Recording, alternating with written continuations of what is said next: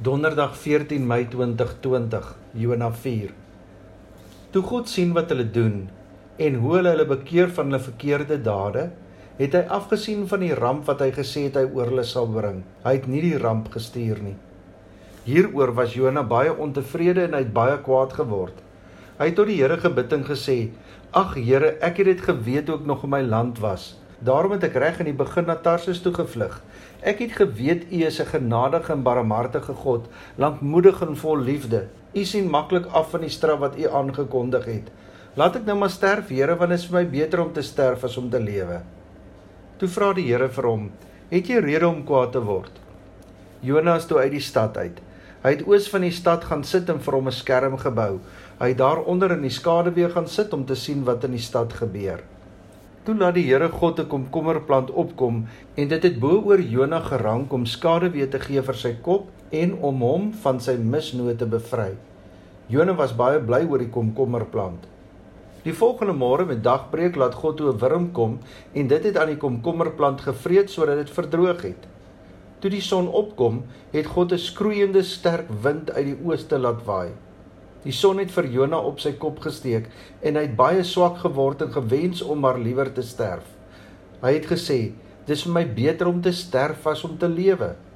Toe vra God vir Jona: "Het jy rede om kwaad te word oor die komkommerplant?" En Jona antwoord: "Ek het rede genoeg, ek is besig om te sterf."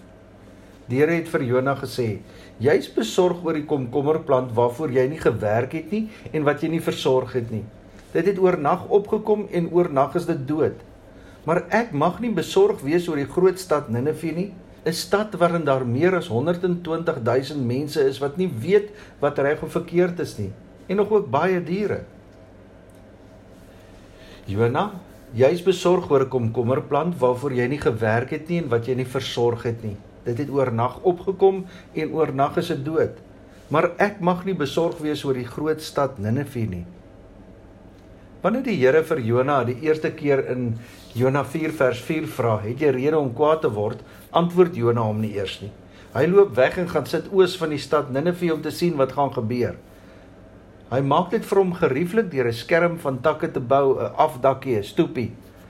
Dalk gaan die Here tog iets doen. Hy wil dit vir geen geld in die wêreld mis om te sien hoe Ninive ondergaan nie. Maar Ninive bly staan en oënskynlik gebeur niks van wat die Here gesê het nie. Nee, tog gebeur daar iets. Ongelukkig gebeur dit nie met Ninive nie, maar wel met Jona. Die skermpie wat hy gebou het en waaronder hy gesit het, het in die hitte verkrummel. Dit het verkrummel soos Jona se hoop verkrummel het op Ninive se ondergang. En nou word hy ook al warmer onder sy kraag. God is 'n mensekenner by uitnemendheid en hy weet met iemand wat sy meer verloor het, kan 'n mens nie redeneer nie. So iemand is nie ontvanklik vir enige argument nie. Hy's toegeslaan en daarom gee God vir hom 'n beter afdakkie, 'n wonderboom, 'n komkommerplant. Hierdie komkommerplant het in eendag se tyd so gegroei dat die blare heerlike koelte gee om Jona letterlik en figuurlik af te koel. Want God wil met Jona praat. Jona is baie bly oor die koelte, maar is tog iets anders as ware dankbaarheid. Bly wees is nog steeds selfgesentreerd, terwyl dankbaarheid gewer gesentreerd is. 'n Snaakse mens hierdie Jona. So pas wou hy sterf en nou oor kleinigheid soos 'n bietjie skadebeen en koelte geniet hy weer die lewe. Hy's net 'n kind, 'n man van uiterstes. Die een oomblik is hy baie ontevrede en baie kwaad, sê 4 vers 1 en die volgende oomblik is hy weer baie bly, sê 4 vers 6. Maar dan tref 'n volgende ramp vir Jona. Ninive bly staan maar 'n wurm vreet sy pragtige plant af. En nou begin nie net die son ontbrand nie, maar 'n baie warm woestynwind laat Jona na asem snak. Dit laat Jona so uitgeput raak dat hy wens hy gaan liewer dood. Die tweede keer nou al. Jona is kwaad vir God. God gee sy genade aan Ninive, maar God vat sy koelte weg. Met so God kan en wil hy nie verder lewe nie. 'n Tweede keer vra God hom dan: "Het jy rede om kwaad te wees?" Maar Jona is geestelik hartehorend. Eers moet God twee keer vir hom sê om Ninive toe te gaan en nou moet die Here weer twee keer vir hom vra of hy rede het om kwaad te word. En nou antwoord Jona: "Ja, ek het rede genoeg. Ek is hier besig om dood te gaan en is alles u skuld." Jona is moeg vir die lewe want hy's moeg vir God. Die vorige twee keer wat Jona met God gepraat het, het hy daarom nog Bybelversies aangehaal. Eers was dit er die episode met die vis en selfs in 4 vers 2 het hy ook gesê: "Ek het geweet hy is 'n genadige en barmhartige God, lankmoedig en vol liefde." Maar nou haal hy geen Bybelversies meer aan nie. Nee, dis nou Jona. Kaal gestroop van alles wat aangeplak was, sonder geuite uitdrukkings en vroomklinkende stories. Dis nou die ware Jona. Wat sê God alles vir Jona? Jona, jou prioriteite is verkeerd. Jy is ontstel oor 'n komkommerplant wat doodgaan en jy het dit nie eers geplant nie. Jona, ek is ontstel oor 'n ganse Ninive, 120 000 mense wat nie weet wat reg en verkeerd is nie.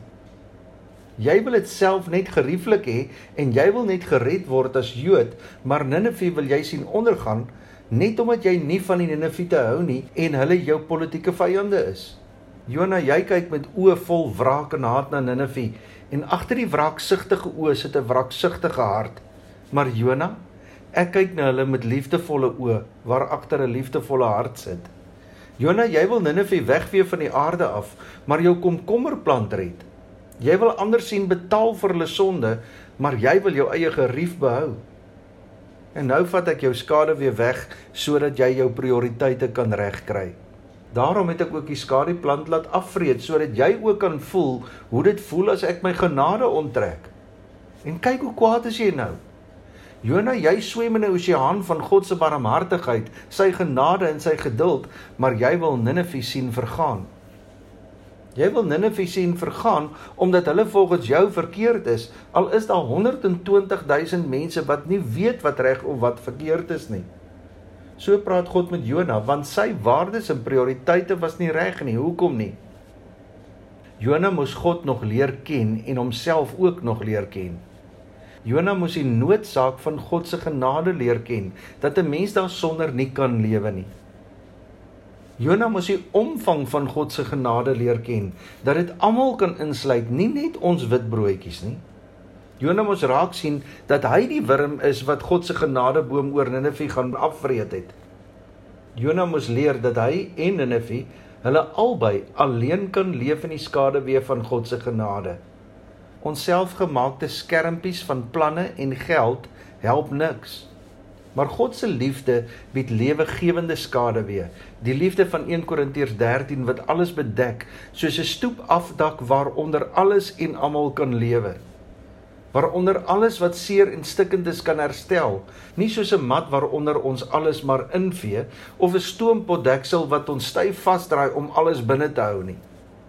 Jesus Christus het gekom om te soek wat verlore is, om te genees wat siek is, om reg te maak wat stikkend is, en dan nie net vir jou nie, vir elkeen wat glo. Mag ek dit nie doen nie, Jona? vra God. En daarmee sit God vir Jona in skaakmat. God se laaste skuif was die wenskuif waarop Jona geen antwoord gehad het nie.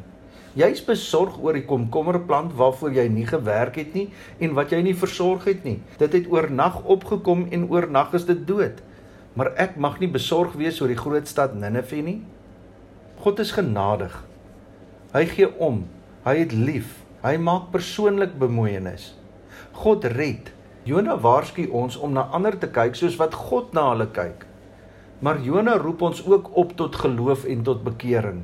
As ek glo en ek het my lewe aan God oorgegee, sal ek in die skaduwee van God se genade leef, maar ek sal ook die skaduwee van God se genade in hierdie wêreld word. Here skenk aan ons die genade. Lig waar ons uit donker sien, moed waar ons vrees. Hoop waar ons wanhoop, vrede waar ons gemoedere storm, vreugde waar ons hartseer is krag waar ons swak is, wysheid waar ons verward is, sagtheid waar ons bitter is, liefde waar ons haat. Die Here sal julle seën en julle beskerm. Die Here sal tot julle redding verskyn en julle genadig wees. Die Here sal julle gebede verhoor en aan julle vrede gee. Ek het terug verlang na U, die liefde en genade, na die stroom van goedheid wat vloei van